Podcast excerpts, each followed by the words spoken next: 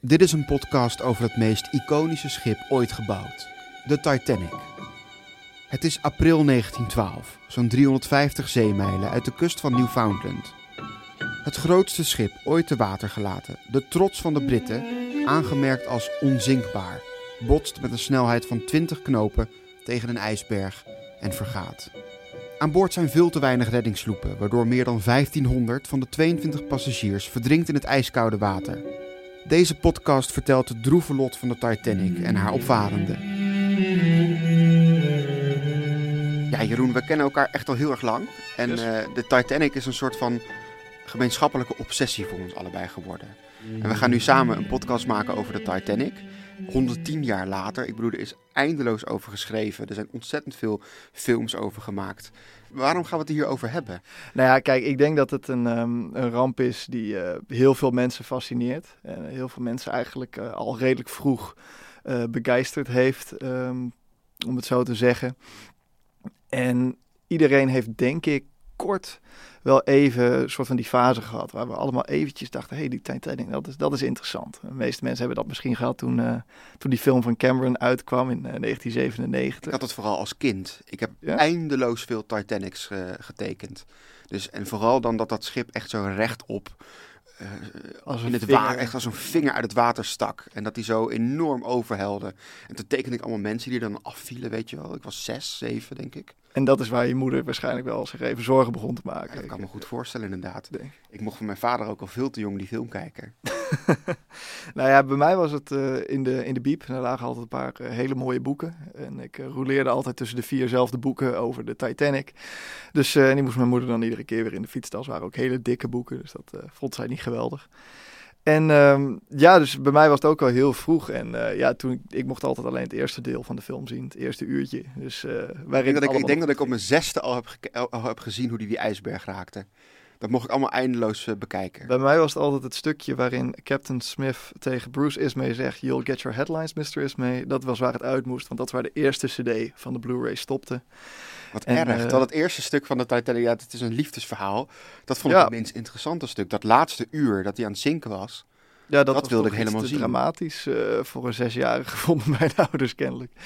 Dus ja, maar wat je, wat je zegt, uh, ik denk dat heel veel mensen dus wel eventjes uh, geïnteresseerd zijn geweest in de Titanic. Gewoon, ja, omdat het zo'n, ja, persoonlijke tragiek is eigenlijk. Het zijn, dus nogmaals, zijn 1517 mensen uh, zijn er overleden die nacht. Maar er zijn, nou ja, honderden, duizenden eigenlijk verhalen van die nacht. En je kan ze allemaal uitpluizen. En dus als we zeggen, er is al genoeg over gepraat. Absoluut niet, want er zijn nog heel wat verhalen. En ze blijven intrigerend. Hè? Het, het blijven Absoluut. zulke bijzondere verhalen. Omdat uh, je hebt het natuurlijk over een soort biotoop, hè? die nacht. Je had allerlei klassen op dat schip. Ja. De eerste, de tweede, de derde klasse. Er zat ongelooflijk veel, veel rijkdom aan boord. Dus de rijkste mensen ter wereld waren op dat schip. Maar ook de mensen die een heel nieuw leven wilden opbouwen, bijvoorbeeld in Amerika. Die waren ook op dat schip. Dus dat maakt het allemaal zo bijzonder. En uh, ik denk inderdaad dat, we, ja, dat die verhalen nog steeds verteld moeten worden. Absoluut. Dat mensen daar, uh, daar heel veel uit kunnen halen. Maar misschien moet jij dat even uitleggen. Hoe uh, onderscheiden wij onze podcast in dit landschap van uh, Titanic manie die er toch uh, een beetje lijkt te zijn. Ja, ik ga niet proberen. We, laten we niet proberen om, de, uh, om inderdaad het, het, alleen maar te hebben over de film The Titanic van James Cameron. Dat is een goed begin. Hij heeft het, hij heeft het goed gedaan, oprecht. Het is een Ja. van, de, van, de, van, de, van de meest historisch correcte films over de Titanic. Denk de kennis die hij toen had. En die man is een nerd op, het- op het gebied. Totaal geobsedeerd. In de Titanic ik geloof dat hij heel vaak afgedaald is naar het wrak. Klopt, ja. Dus, dus hij heeft een heel mooi compleet portret gemaakt van dat schip. Je ziet ook dat wij nog geen 30 seconden in deze podcast bezig waren. Je moet het al over film benoemen. hebben, natuurlijk. Het gebeurde automatisch. Natuurlijk, maar dat is zo'n iconisch film, eh, iconische film. We zetten een potje op tafel. En iedere keer dat we de film noemen... Oké, de film die niet genoemd mag worden, dan, Nee, het mag wel, alleen er gaat gewoon een euro. dan gaat er een... Oké, dan met inflatie, dus oké. nee, ja, ja, het lijkt me een goede veiligheidsmaatregel, want anders dan ontspoort het compleet. Ja, en anders lijkt het net alsof we alleen maar de film aan het recenseren zijn. Dat, en dat is niet de bedoeling. Ja, en ook alsof we alleen maar de film hebben gezien. Precies, Dat- en het is veel meer dan dat. De muziek die we erbij gaan spelen, dus door onze afleveringen heen, dat is allemaal muziek die ook op de Titanic is gespeeld. Het is uh, van de playlist en de band Played On. Precies, Isalonisti, die hebben het allemaal ingespeeld. Prachtige band. Kan het ook zeer aanraden om daar nog even naar te luisteren op ja, Spotify. in de show notes kunnen we een linkje... Laten we dat doen.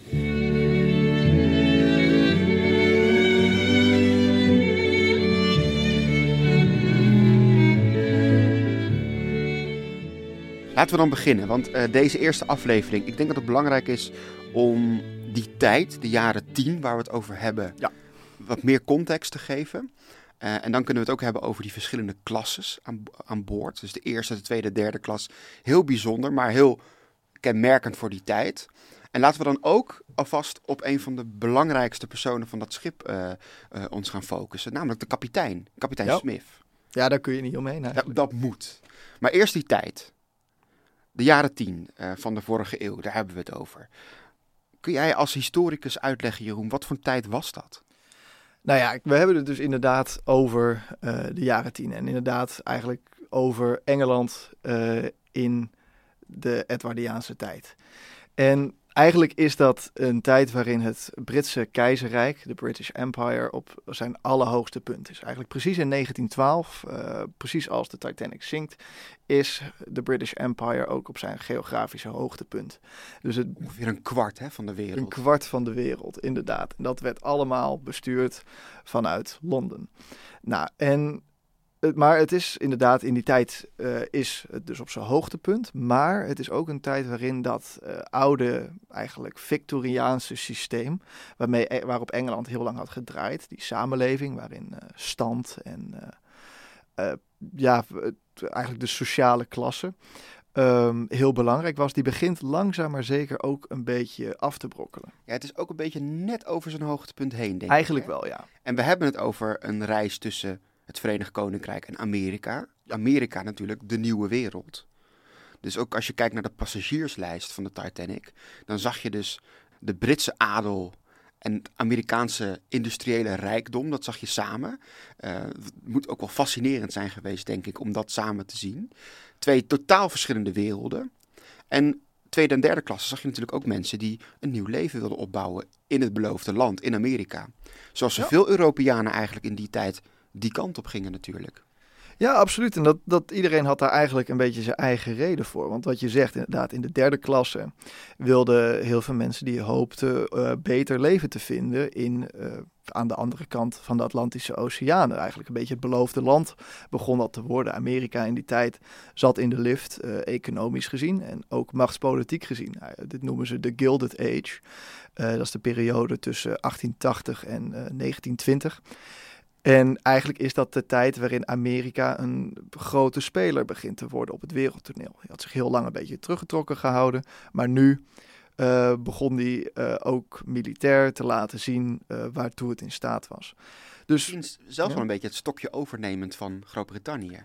Eigenlijk zie je dat ze een beetje aan het touwtje trekken zijn op dit punt, inderdaad. Want het, de balans ligt nog steeds wel bij Engeland. Maar je merkt wel dat de Verenigde Staten steeds meer zich tegen dingen aan begint te bemoeien.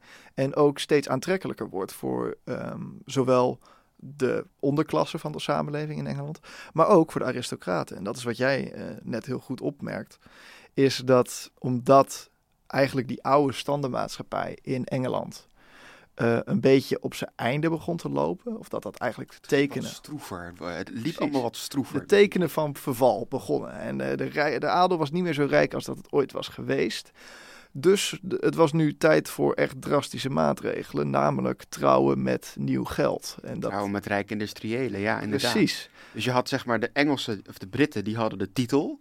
Ja. Dat vonden de Amerikanen vonden dat hartstikke interessant. En die ja, hadden het geld. Prachtig. Die wilde dat wel. Je kon ineens een baron of een graaf worden. Nou ja, dan doe je dat. Dus dat ging samen. Dus je had rijke industriëlen inderdaad die met de Britse verarmde adel eigenlijk gingen. En dat werd een soort match. Ja, gelijk oversteken. De een kreeg een titel en de ander die kreeg ja, die, uh, die broodnodige financiële injectie. En dan konden ze weer een tijdje vooruit. Ja, want die landhuizen en die landgoederen, dat moest allemaal onderhouden worden. En Klopt. het werd allemaal steeds duurder. Dat was natuurlijk ook de tijd van elektriciteit. Dus uh, industriële revolutie natuurlijk net achter de rug gehad. Dus er gebeurde veel in die tijd, in de jaren tien. Klopt. En dat eigenlijk kun je zeggen dat het op twee niveaus gebeurt. Eentje hebben we net geschetst, namelijk geopolitiek. eigenlijk zien we dus dat Engeland, die heeft, de British Empire is lange tijd hegemonisch geweest. Dus eigenlijk de enige belangrijke speler in de wereld die het voor het zeggen had. En nu merk je dat ze steeds meer voor hun plek moeten vechten. Omdat we hebben nu Amerika benoemd, maar ook Duitsland begint zich ineens te roeren als Willem II aan de macht komt. Die ja, natuurlijk ook ehm, wel invloed wil uh, op het wereldtoneel. En natuurlijk hebben we altijd, altijd Frankrijk nog, die, uh, die het ook nooit de Duizenden pels van het Verenigd Koninkrijk. Absoluut. Altijd. Nou, en uh, ineens begint uh, China zich weer te roeren. Dus eigenlijk begint uh, er een fase waarin Engeland steeds meer voor zijn plek moet vechten. En daarnaast ook binnen Engeland begint het oude systeem, wat zo lang eigenlijk heel goed had gewerkt, begint een beetje in, in zijn voegen te kraken eigenlijk. In 1867 werd bijvoorbeeld de Reform Act aangenomen in Engeland. En dat betekende eigenlijk dat ineens een heel groot deel van uh, de gewone, het gewone volk eigenlijk, of niet adel moet ik zeggen, want het was nog steeds geen algemeen kiesrecht, maar die konden ineens stemmen. Dus die konden ineens zich tegen de politiek aan bemoeien. Nou, en dat was, uh, zorgde dus ook voor dat je een veel mondiger samenleving krijgt, die ineens van alles van dingen vond. En het ook meldde als um, iets er niet aanstond. Dus er komt steeds meer kritiek vanuit de bevolking. En niet alleen vanuit uh, de, de mannelijke bevolking, maar ook eigenlijk begint uh, er steeds heftiger geroepen te worden om vrouwenkiesrecht. De suffragettes, die ja, niet meer voor lief nemen hoe de Victoriaanse tijd zij al, hun altijd aan de zijlijn had geplaatst.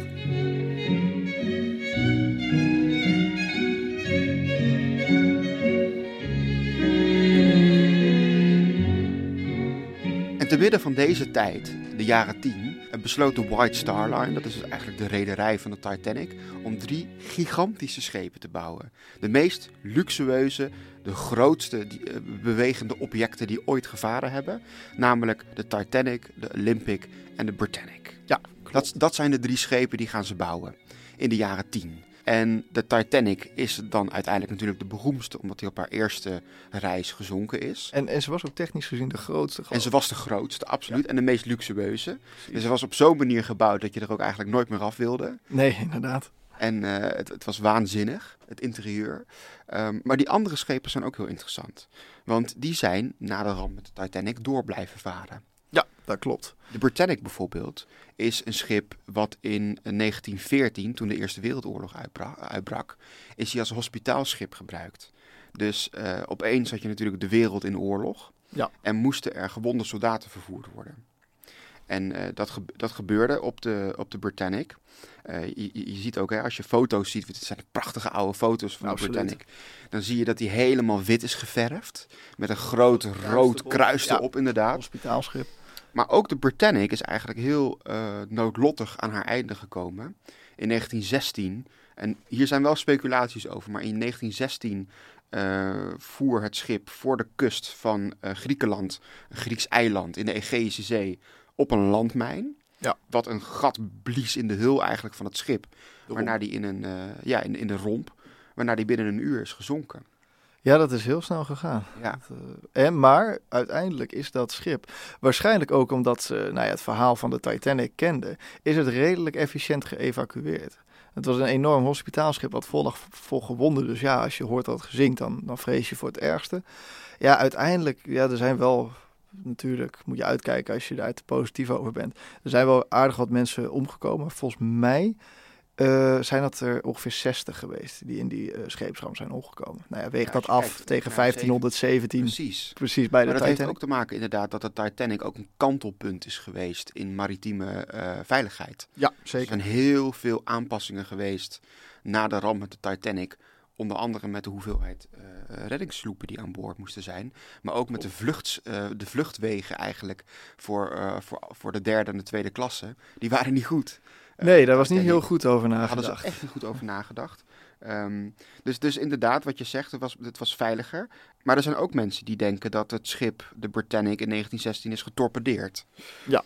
Um, maar uh, er is in, in, de jaren 70 is er naar het, het, wrak gedoken. En daar hebben ze wel sporen van een mijn uh, gevonden.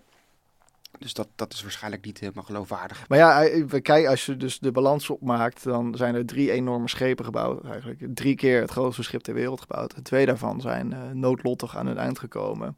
Eigenlijk uh, binnen twee jaar nadat ze zijn opgeleverd, waren de twee al gezonken. Uh, en eigenlijk de oudste, de eerste die, die Olympic. De Olympic inderdaad, die heeft het het langst gehaald. Die is uh, nog heel lang gebruikt, ook als troeptransport. Hè. Die kreeg ook de naam de Old Reliable. Uh, omdat ja, het gewoon betrouwbare. Precies. Die heeft tot, tot 1935, dacht ik, heeft hij ge uh, Klopt. Ja, die is uiteindelijk uit elkaar geschroefd. En ja, toen hadden ze hem nodig voor onderdelen. Schroop, schroot is het geworden inderdaad. Ja, precies. Dus dat, dat hebben ze helemaal ja, gedemonteerd. Het is makkelijk om te denken aan de Titanic als een technologisch falen. Maar voor de rest waren het wel gewoon hele degelijk gebouwde schepen. Want daar was de White Star Line, eh, laten we eerlijk zijn, ook gewoon goed in. Daarom hadden ze ook die naam, dat het gewoon geweldig Ondanks dus dat er twee hele belangrijke schepen gezonken waren, ja. zeg jij, ze waren wel goed in wat ze deden. Nou, ze waren wel degelijk goed in uh, waarvoor ze gebouwd waren. Want kijk, ze waren gebouwd om mensen ongekende luxe te bieden. En nou ja, ook om in redelijke snelheid de Atlantische Oceaan te kunnen oversteken. Nou ja, en om dat ook nog veilig te doen. Nou ja, we kunnen wel zeggen dat dat laatste niet heel succesvol is verlopen. Maar de eerste twee zijn, waren zeker, uh, daar, daar kon het zeker wat waarmaken. Hey, dus de White Star Line bouwt drie uh, gigantische schepen. Maar ze zitten ook in een enorme concurrentiestrijd hè, met een hele andere rederij. Namelijk de Cunard Line. Absoluut. En de Cunard Line, dat is een, maatschappij uh, die uh, ook over de Atlantische Oceaan vaart. Tussen Europa, het oude continent en de nieuwe ja. wereld, Verenigde Staten. En de strijd gaat om een blauw lintje. Ja, ja, daarmee onderverkoop je het wel een beetje. Maar het, de Blue Ribbon. Dus dat is eigenlijk was dat een soort van trofee die in die tijd, in deze nou ja, heftige concurrentiestrijd van rederijen om de route naar Amerika, was dat van essentieel belang. Want de Blue Ribbon dat liet zien dat jij de oceaan, dat jouw schip de oceaan als snelste had overgestoken. Wat Guinness Book of World Records in die tijd eigenlijk. Eigenlijk wel, ja. En dat, dat was dan een groot blauw lint en dat mocht dan het schip wat die, eh, dat record had gezet, mocht dat dan aan de hoogste mast varen. Nou, en dat was natuurlijk een project van enorme prestige. En eigenlijk uh, in die, nou ja, we kunnen het wel strijd om de Atlantische Oceaan, uh, avant la lettre eigenlijk noemen, zijn er vier grote rederijen. En dat is de White Star Line, waar we het natuurlijk in detail over gaan hebben. De Cunard Line, die ook nog een, uh, terugkomt in latere afleveringen. Um, nou, de Noord-Duitse Lloyd en onze eigen Nederlandse trots, de Holland-Amerika-lijn, speelt daarin ook nog mee. Dat zijn vier grote rederijen die eigenlijk de passagiers vervoeren tussen... Precies, tussen de Old World en de New One eigenlijk. Zo uh, werd dat gezien eigenlijk had de Cunard Line was, had heel lang de boventoon gevoerd in die strijd. Dat had al, de Cunard Line die maakte gewoon eigenlijk al vanaf midden 1800 geweldige schepen. Dat was echt ongelooflijk. Ja, ze waren snel, ze waren technologisch hoogstaand. Ze hadden allemaal nieuwe snufjes zoals uh, elektrisch licht en een telegraafverbinding en uh, allerlei... Uh, technische hoogstandjes konden ze bieden. Dus eigenlijk had Cunard Line heel lang um, geen enkele competitie die uh, ze wat kon maken. En nou, dan rond 1850 komt de White Star Line op. En die had al een tijdje bestaan. Dat was, waren zeilschepen geweest die uh, eigenlijk vracht rondbrachten over de wereldzeeën. Uh, maar op een gegeven moment wordt dat overgekocht door Thomas Ismay. we gaan het hebben over zijn zoon, Bruce Ismay, die natuurlijk een grote rol speelt in de in de rug en befaamd in de Titanic. Absoluut. Uh, hij is inderdaad dan de opdrachtgever hè, om, uh, om de Titanic te laten bouwen. Inderdaad, maar zijn vader die had daarvoor eigenlijk al een grote rol vervuld. Die had namelijk de White Star Line tot een echt grote speler gemaakt in deze transatlantische uh, concurrentiestrijd. Hij had namelijk ervoor gezorgd dat ze in plaats van houten schepen naar stalen schepen gingen en ook dat ze van zeilschepen naar stoomschepen gingen.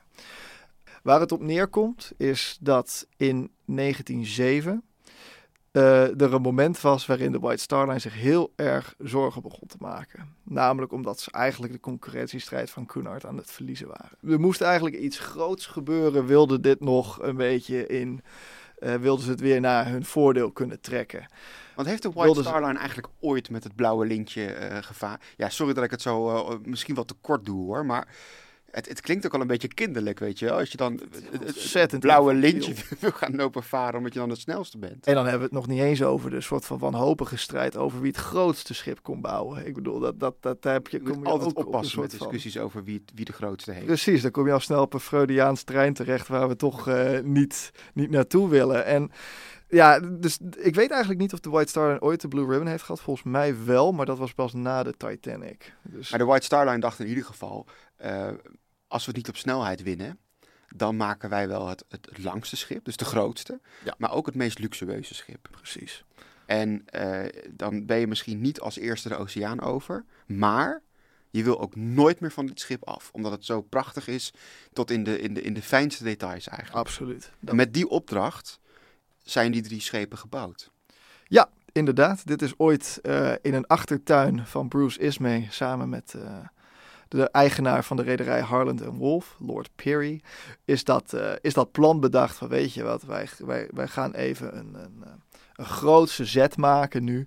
Wij gaan het grootste schip ter wereld bouwen in drievoud. We bouwen drie schepen van ongekende grootte, van ongekende luxe, van ongekende snelheid en ongekende veiligheid. Dat zijn eigenlijk de, de pijlers waarop dit moest staan. En natuurlijk, ze wisten dat ze het qua snelheid eigenlijk zouden afleggen tegen Koenard, want die had gewoon de beste technologie. Dus ze gingen echt het heel erg op die luxe gooien, inderdaad. Nou, maar het is ook een enorme investering, was het. Want je bouwt niet één keer het grootste schip ter wereld, nee, je bouwt hem drie keer. En dat ja, dus, en ook nog met nou, een uitrusting waar je u tegen zegt, luxe waar je u tegen zegt. Dus ja, dat, dat was een, een financieel risico. En ja, ik denk dat we achteraf wel kunnen zeggen dat dat nou niet. Uh, het heeft hele... uitbetaald, laten we dat. Nee, het heeft geen florissante effecten gehad uiteindelijk. Want de, Koen, of de rederij, uh, de White Star Line, is er na de ramp met de Titanic en later ook die met de Britannic, het zusterschip, nooit echt meer bovenop gekomen. En uh, heeft uiteindelijk ook moeten fuseren op een hele, ja, eigenlijk ironische manier met de Cunard Line. Omdat ze ja, eigenlijk kopje onder ging anders. Maar de Cunard Line komt nog een keertje terug in dit verhaal. Ja, over ironie gesproken. Het moment dat de Titanic zonk, um, werd er gesigned uh, wie kan ons helpen. En uh, een schip van de Cunard Line, de Carpathia, die heeft uiteindelijk op uh, die oproep gereageerd. Die waren vier uur van het noodlijdende schip de Titanic verwijderd. Ja, en die, zijn toen, die hebben toen eigenlijk al die passagiers die in de reddingsboten zaten, zo'n 700 mensen, hebben ze opgepikt.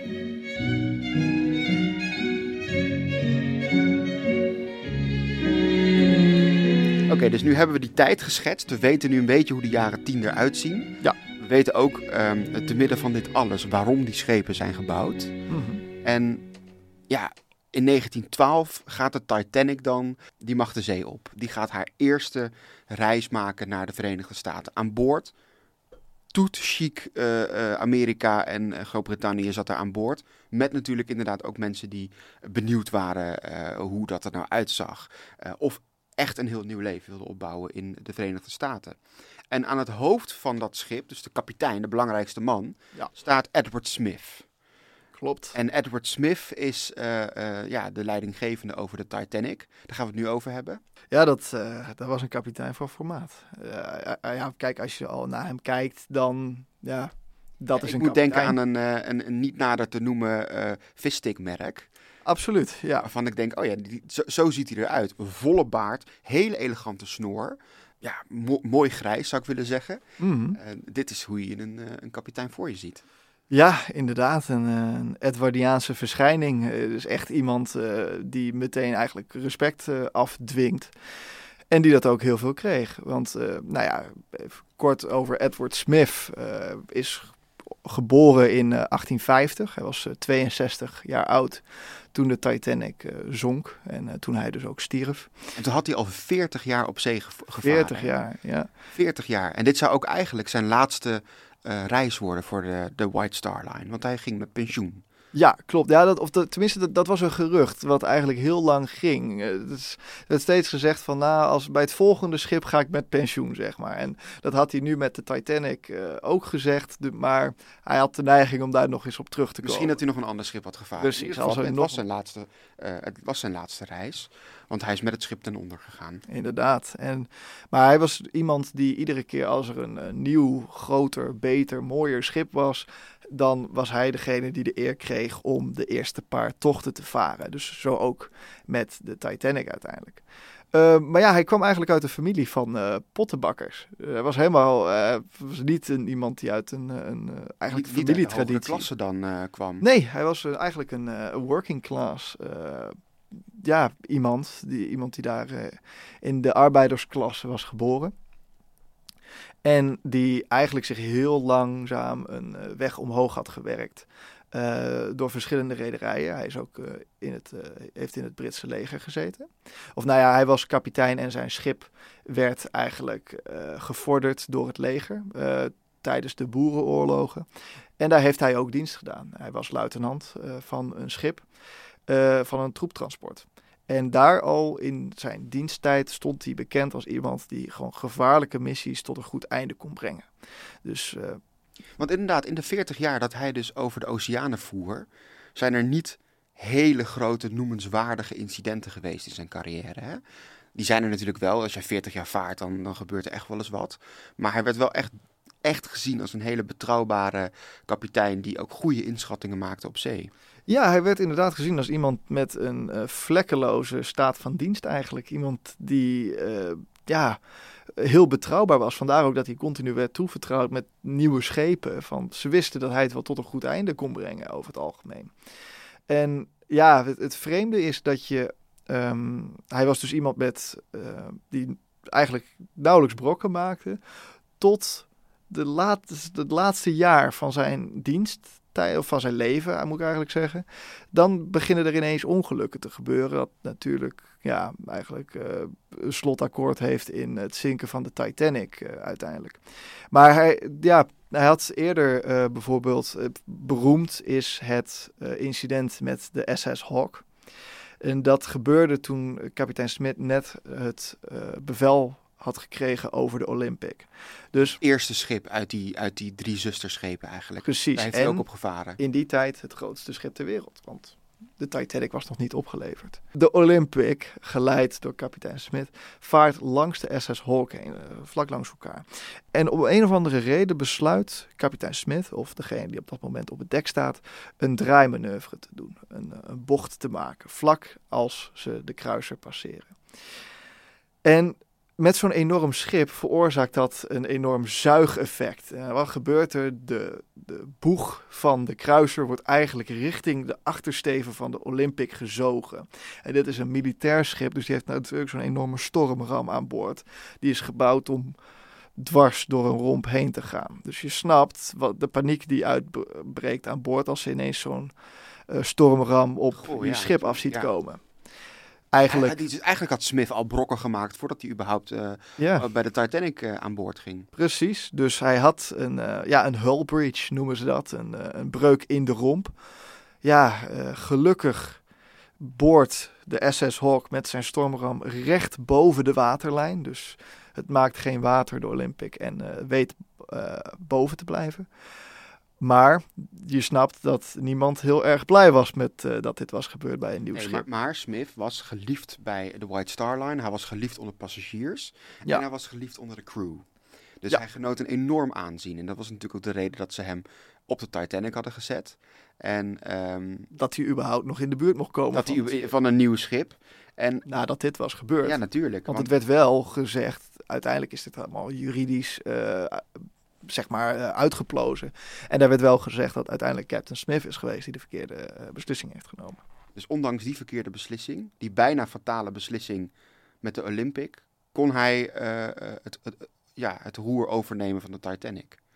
Ja, klopt. En nou ja, eigenlijk is dat het eerste incident wat plaatsvindt. En het tweede incident wat plaatsvindt, en dat is, gebeurt eigenlijk op het moment dat de Titanic op 10 april 1912 de haven van Southampton uitvaart. Dat zie je gek genoeg niet in de film. Want, uh, Kom je toch weer terug op die film? Hè? Ja, sorry, maar dit, ja, ik vind het altijd grappig, omdat je in die film heb je altijd de vrolijke muziek en het schip vaart de haven uit en alles is geweldig. Terwijl in het echt was het schip al bijna verzonken op, gezonken op het moment dat het, het, dok uh, verliet. Ja, omdat namelijk een soortgelijk incident gebeurde waarin uh, de Titanic verlaat het dok, vaart langs een kleiner schip, de uh, New York, vaart hij langs heen en weer gebeurt eigenlijk hetzelfde. De, de, de, gewoon de zuiging van zo'n enorm schip zorgt ervoor dat de, de, ehm, de aanmeerpaal, eigenlijk, of de manier waarop de New York aangemeerd zit, breekt. En daar gaan we weer. Opnieuw begint het kleinere schip zich in de richting van het grote schip te bewegen. Die zuiging die komt weer terug en die zuigt het andere schip ook richting de Titanic dan dit keer. Ja, en bijna weer een botsing. En deze keer reageert Smith, en dat moet absoluut gezegd worden, op een hele competente wijze. En weet hij uh, nou, het schip net zo te manoeuvreren dat de New York door een, uh, een sleepboot nog net uh, zeg maar uit de weg gesleept kan worden. En dat gaat allemaal goed. Waarschijnlijk dat je het vandaar niet in de film ziet. Aan de andere kant is het ook zuur. Want je denkt, ja, hadden ze daar maar uh, pech gehad. Dan was ja, want dan was hij niet door dat ijsbergveld gegaan. Maar ja, natuurlijk, dan komen we uit uiteindelijk bij die fatale nacht. Uh, ja. 14 op 15 april. En dan is natuurlijk de rol van Smith wel heel interessant. Hij is natuurlijk de bevelhebber, de belangrijkste persoon uh, aan boord. En er zijn een aantal inschattingsfouten gemaakt waarvan je denkt van goh, die Smith, wat heb je nou gedaan? Er, kwamen die nacht uh, meldingen binnen van ijsbergen. Dus uh, zij voeren over de Atlantische Oceaan het dichtst eigenlijk bij, bij Halifax in de buurt. Hè? En um, ze, ze, kwamen door een ijs, ijsbergveld. Die meldingen lagen bij hem op het bureau. En toch, toch is hij um, met best wel hoge snelheid door dat door blijven varen. Absoluut. En ja, eigenlijk um, is de centrale vraag: wat kunnen we zeggen over het bevel van kapitein Smith? Uh, gebaseerd op deze nou, fatale nacht, maar ook toch gebaseerd op die twee eerdere incidenten. En ja, wat moet je daar ook wel eens af zitten vragen. Ik bedoel, het zijn natuurlijk gigantische schepen. En uh, ze zijn ook moeilijk te besturen, want ze hebben een wat kleiner roer, waardoor je dus ja, je beweegt je. Het zijn gewoon logge dingen. Absoluut. Alsof je een zeecontainer moet, be moet bewegen. In, in, dat heb je nog nooit eerder gedaan. Dus nee. Dus ik denk dat het ook wel voor hem en voor zijn crew natuurlijk heel onwennig was om met zo'n schip om te gaan. Nou, het schip was in ieder geval echt tientallen meters langer dan enig schip dat hij ooit had gevaren. Dus het is ook wel te begrijpen dat hij misschien niet helemaal vertrouwd was met uh, nou, de, de zeg maar, omgevingseffecten die zo'n schip zou hebben. Of dat hij misschien toch ja, inderdaad de wendbaarheid heeft overschat van het schip. Um, ja, misschien was het ook zo. Hij was 62. En er zijn tekenen dat de White Star Line al moeite deed om zijn leeftijd enigszins te verbergen. Oh ja. Hij stond namelijk ingeschreven op de Titanic met een leeftijd van 58. Ze hebben dus drie jaar van zijn leeftijd afgesmokkeld. Ja, misschien omdat ze toch dachten dat hij met 62 toch wel oud, was. oud kwam. Ja, oké. Dus dat kun je ook niet helemaal. Dat moet je niet helemaal wegdenken. In ieder geval natuurlijk wel zijn besluitvorming in die fatale nacht. Want er lagen op zijn bureau uh, meldingen dat er ijsbergen uh, gesignaleerd waren. Ja. En toch vaart hij met een vrij hoge snelheid door dat veld heen, vol met ijsbergen. Um, hij was in die nacht ook gaan slapen. Dus het moment dat, hij, dat de Titanic de ijsberg raakt, was hij in zijn hut. Ja, hij had net een feestje gehad. Hij had net een feestje gehad. Dus was vrij snel uh, daarna was hij uh, op de brug. Dan volgt zich eigenlijk een nacht vol besluiteloosheid. Er zijn natuurlijk heel veel ooggetuigen die uh, melding maken van kapitein Smith en hoe die die nacht heeft gereageerd. Ja. Um, zo zou die bijvoorbeeld uh, pas 25 minuten na uh, het raken met de ijsberg gezegd hebben van nou laten we de boten maar vullen met, met abandoned ship eigenlijk. Hij was heel lang ook besluiteloos met moeten we nou vrouwen en kinderen eerst doen of moeten we iedereen toelaten. Uiteindelijk was het de eerste officier die zei van nou zullen we dan maar de vrouwen en kinderen eerst doen. Dat hij een beetje voor zich uit staarde zeggen ooggetuigen van ja, nou ja, doe dat dan maar. Ja. Dus er zijn historici die hebben het over een soort van shock die die ingegaan is die nacht. Ja, dat, dat klopt. En dat is inderdaad, uh, ja, sorry, ik, ik ga een munt in de pot gooien. Wat je in de film ook ziet. Uh, de tijd, hè, dat, uh, Moeten we een pot op tafel zetten? Ik denk het wel, uiteindelijk. Of misschien een geluidseffectje. een keer als we de Titanic inderdaad benoemen als... Had er een muntje in de pot. Ja. En um, nou ja, kijk, Bernard Hill, die, die speelt dat natuurlijk heel goed. En dat je ook toch wel angst en ja, ook inderdaad een soort van wanhoop ziet. Um, dus in die film houden ze het een beetje in het midden. Want er zijn hele tegenstrijdige ooggetuigen verslagen. Je hebt een paar passagiers die zeggen: nee, hij was echt een, een held. Hij kordaat, fantastisch leiderschap. Hij stond op de brug met een megafoon en hij vertelde iedereen wat te doen. Ja, dat, dat kan. Ja, dat, dat is goed mogelijk. Maar er zijn ook ooggetuigen en die komen veel van de crew en uh, van uh, ja, toch andere mensen op het dek die hem inderdaad toch uh, besluiteloos vonden overkomen.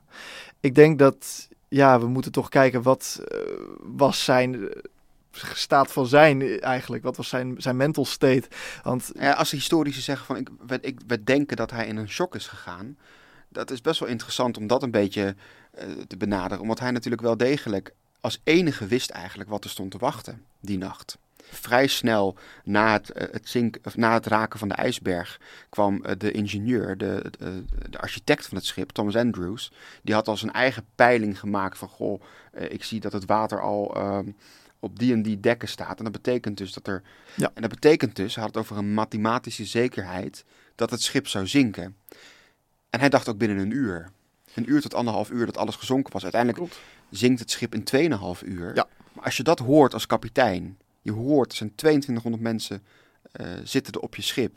En je hebt nog maar een uur voordat alles op de, op de, op de bodem van de Atlantische Oceaan ligt nadat jij het schip, nadat jij, jou, jouw bevel is dat ding tegen een ijsberg Nadat jij het schip misschien dus- wel te hard ja. Uh, door dat ijsbergenveld hebt laten Nou, kijk, eigenlijk is, heeft um, Thomas Andrews hem twee dingen verteld, inderdaad. We gaan binnen een anderhalf uur kopje onder. Nou, dat was dus een iets uh, grovere schatting. een uurtje dan meer. Precies. Okay, ja. Nou ja, wel essentieel in zo'n scenario. Absoluut, ja. Um, en hij was ervan op de hoogte dat er te weinig reddingsboten waren.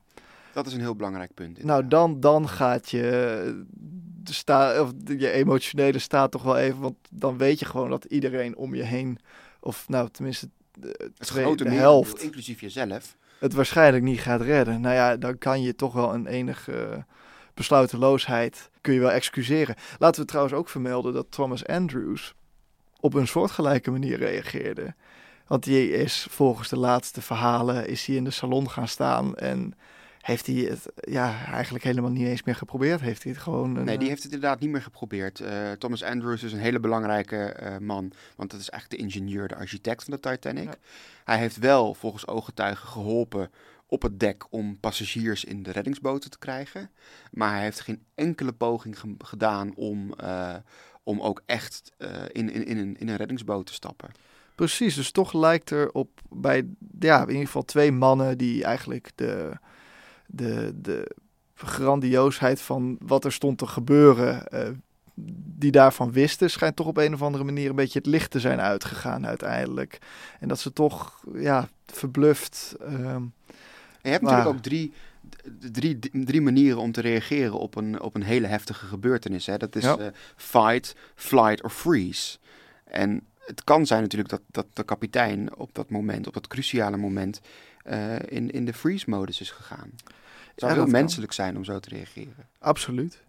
Dus ja, dat, ja we moeten altijd. Eigenlijk, hè? Inderdaad, naar zo'n uh, ja, toch relatief feilloze staat van dienst. Dat, uh, dat allemaal zo eindigt. Nou ja, uiteindelijk, kijk, we zijn toch enigszins kritisch over hem tot nu toe. Um, dat moet ook, want ja. hij wist dat er ijsbergen waren en toch is hij hard doorgevaren. En uh, na de ramp met de Titanic is er een, uh, een US Senate hearing gekomen. Ja. Uh, een senaatsgetuigenis eigenlijk om die hele ramp te reconstrueren. Een beetje wat er nu gebeurt met, het met de kapitoolbestorming, zo ja. moet je het vergelijken. Klopt. En daar zijn ze ook wel behoorlijk kritisch geweest op de kapitein. Dus daar hebben ze ook wel gezegd van er zijn echt cruciale inschattingsfouten geweest. Maar daarbij moet wel verteld worden dat dit wel iemand is die is ondergegaan, uh, kopje onder is gegaan met het schip. En dat, dat is hem wel in dank afgenomen, zeg maar. Ja, daarmee heeft hij eigenlijk, want we gaan het ook nog hebben over Bruce Ismay natuurlijk. Iemand die ook, hè, net zoals uh, Captain Smith, een toch ja, controversiële rol heeft gehad in die fatale nacht. Maar ja, het enige, gro- of het grote verschil tussen die twee is dat er één terugkwam. Hij is in een reddingsboot gestapt. En de ander eh, niet. kapitein Smith niet. Er zijn, er zijn, ook, er zijn ook vijf verschillende eh, versies van de dood van de kapitein. Hè? Ja. Dat is echt, er is niet één en eenduidige versie van hoe hij aan zijn einde is gekomen. Het lichaam is nooit geborgen. Ehm, maar de ene zegt inderdaad dat hij met een megafoon stond: Be brave, be British. Natuurlijk heel, heel Engels, hè? een beetje conservatief van eh, eh, het sterke, eh, patriotistische gevoel. Ja, de ander zegt dat hij inderdaad een van de stokers, die dus in het ruim dus die, die kolen in die, die boilers moest gooien om, om het, om dat schip te laten varen, die zei, de kapitein is met een, met een kind in zijn armen geklemd, van het schip gesprongen, heeft hem bij een, neer, een, een, een nabijgelegen reddingssloepje, heeft hij het kind afgegeven en toen gezegd tegen de mensen aan boord, ik ga onder met het schip. Nou ja, dat is natuurlijk een, een, een heldhaftige versie. ongelooflijk heroïs. Waar- waarvan ik denk, nou, mm, misschien niet. Een ander ziet hem inderdaad, en dat zie je ook in de James Cameron film The Titanic, ziet, hem, zijn, ehm, eh, ziet hem de kajuit ingaan. Ja. Weer anderen hebben hem nog voorbij de zien, zwemmen, zien zwemmen. En weer anderen die zeggen dat hij nooit overleden is, maar die hebben hem later op alle mogelijke manieren gevonden. In de supermarkt, op het station, eh, noem het maar op. Dus dat zijn een soort complot. eh, Ja, misschien moeten we die even toelichten inderdaad. Ja. Er zijn inderdaad eh, toch enigszins paranormale verhalen van mensen die Captain Smith ineens op straat zijn tegengekomen, jaren na de ramp. Ja. Ja, Het meest geloofwaardige is wel dat hij onder is gegaan met het schip. Ik, ik denk ook dat dat het meest geloofwaardig is. Ja, en ook precies op welke manier, dat weten we niet. Dat kunnen we nooit meer achterhalen. ik, eh, ik vrees van niet, nee. Maar ja, uiteindelijk kunnen we oordelen over eh, Captain Smith. Ja, Moeten we oordelen over Nee. Captain Smith? Dat is misschien ook een vraag. Ik Wij denk zitten- het ook zijn niet. twee jongens die hier gewoon eh, eh, achter een microfoon zitten. En je moet beoordelen of iemand ja, die op zo'n cruciaal moment zoveel levens moet redden eigenlijk. Welke beslissingen hij heeft gemaakt. Dat is ook eigenlijk niet aan ons. Hè? Nou, laat ik het je dan anders vragen. Eh, er staat een, eh, een standbeeld van hem. In, eh, volgens mij bij Woods Head. Dat is zijn, zijn huis in Engeland. Denk je dat hij dat verdient? Oh, dat is de gewetensvraag. Dat is een Ehm, gewetensvraag. Wat, wat er overigens op staat op die memorial is Be British. Dus Ja. dat, dat zijn schijnbaar zijn beroemde laatste woorden geweest. Of het waar is, dat weet ik niet. Maar Waarschijnlijk het niet. is ook heel klassiek hè, voor die tijd om dat dan ook op die manier eh, te doen. Verdient kapitein Smith een standbeeld? Maar met al deze dingen die we net hebben gezegd. Als je Oeh, dat zo... nou, ik zou het hem niet geven, denk ik. nee, ik zou toch het hem niet? niet geven. Nee, daarvoor is, het te is de tragiek denk ik te groot. En zijn er veel inschattingsfouten gemaakt. En ja, verdient iemand die een ramp onder zijn bevel heeft gekregen, hè? want hij is uiteindelijk eindverantwoordelijk, verdient hij een standbeeld? Vind ik moeilijk. Nou ja, ik denk dat de betere vraag is waarom hij wel en zoveel anderen niet. Ja. Waar, eh, hè, toch? Verdient de kapitein van de Carpathia, de, de man die al die ehm, ehm, overlevenden uit, het, uit zee heeft gehaald, verdient die een standbeeld? Precies. Misschien wel, ja. Ja, Ik denk dat er meerdere mensen een standbeeld verdienen eh, op die fatale nacht. Tijdens die fatale nacht en een aantal mensen niet. Nou, Maar daar gaan we het nog over hebben. Precies. In de volgende aflevering, waar gaan we het dan over hebben, Jeroen? Dan gaan wij het hebben over de Titanic zelf. En we hebben al een beetje een tipje van de sluier uh, Het opgelicht. interieur gaan we bespreken. hè? Precies. Hoe luxe was dit schip nou eigenlijk? Ja. En laten we dan ook maar meteen die Bruce Ismay meenemen. Is goed. De man dus die eh, het schip heeft eh, laten bouwen. Mhm. En de man die in de reddingsboot is gestapt. Absoluut. En zo eigenlijk de meest ehm, omstreden figuur van de Titanic is geworden. Ja, dat, eh, dat wordt een leuke. Dus Dankjewel voor het luisteren.